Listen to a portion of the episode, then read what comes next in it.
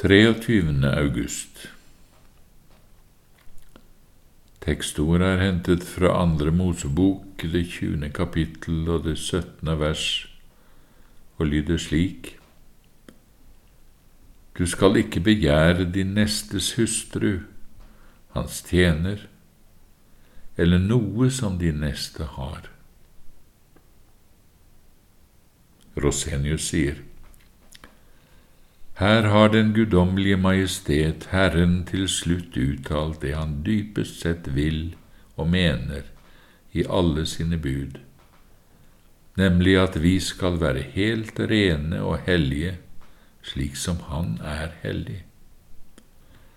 Her har han forbudt den første spiren, ja, bare det at et syndig begjær får fotfeste i hjertet.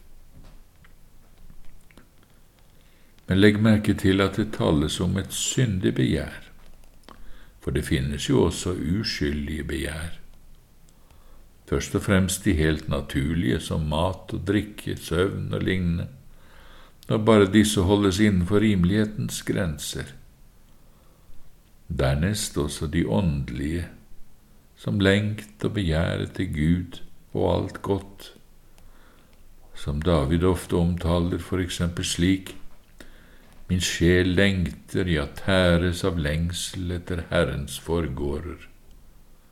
Som hjorten stønner etter renne vann, slik lengter min sjel etter deg, Herre.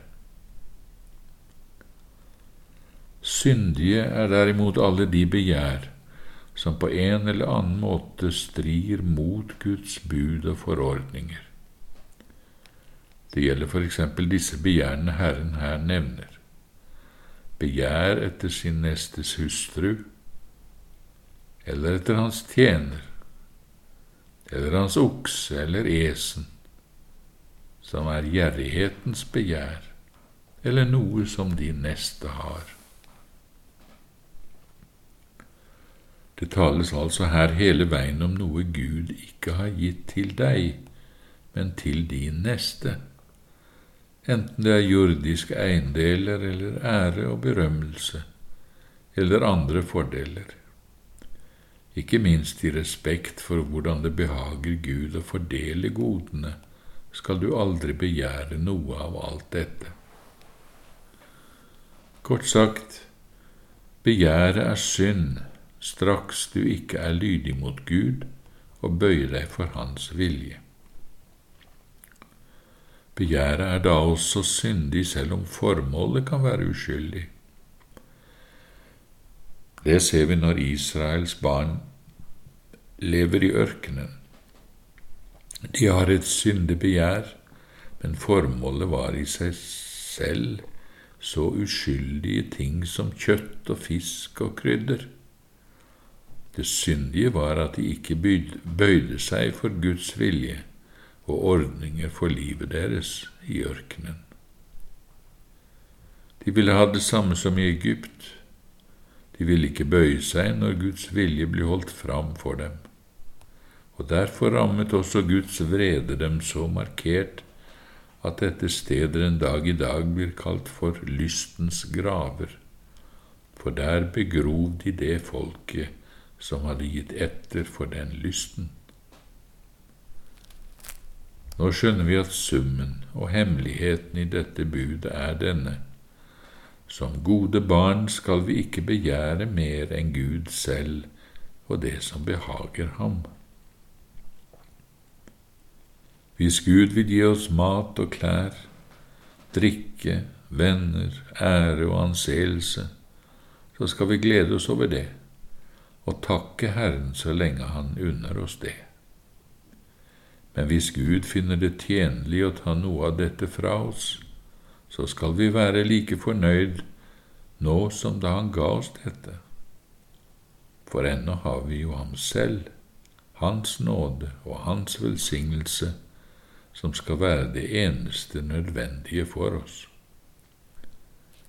Av dette skjønner vi at det siste budet knytter seg sammen med det første som en ring og begge krever egentlig akkurat det samme, at Herren får være vårt hjertes eneste Gud, det eneste vårt begjær retter seg mot. Gud får være vår kjærlighet, vår tørst og all vår trang. Og dette var jo den guddommelige majestets mening da han skapte mennesket i sitt bilde, at det alltid bare skulle ha blikket festet på ham, leve i ham og av ham, som dets opprinnelse og dets rette element.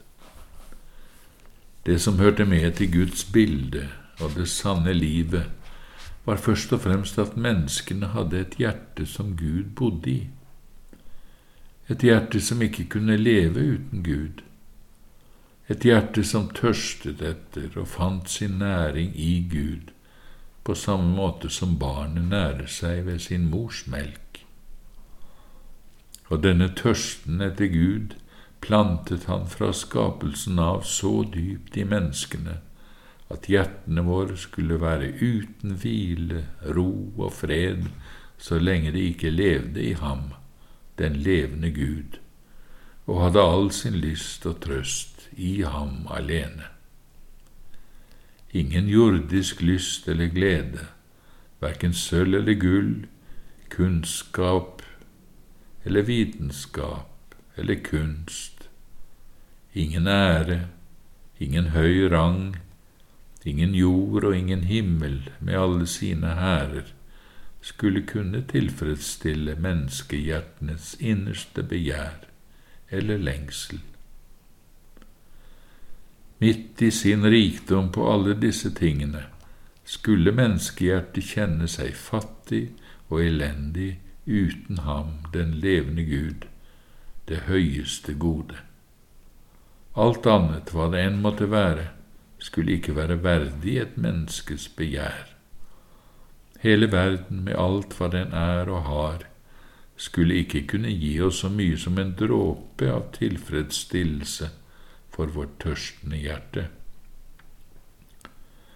Bare etter det aller største, det aller høyeste, det uendelige og det evige, etter Herren alene, vår Herre og vår Gud, skulle vi tørste. I ham alene skulle vi finne vår hvile og vår ro. Dette var Guds vilje da han skapte mennesket i sitt bilde, og derfor skapte han hjertet vårt slik at det er fylt av en uendelig trang, begjær og lengt, men det var hans mening at han skulle selv være den alt dette skulle ha som siktemål. Og nå er spørsmålet har ikke den allmektige Gud også i dag samme vilje og mening? Jo, sannelig, hans første og siste bud går også i dag ut på det samme. Du skal elske Herren din Gud av hele ditt hjerte, av hele din sjel, av all din forstand og av all din kraft.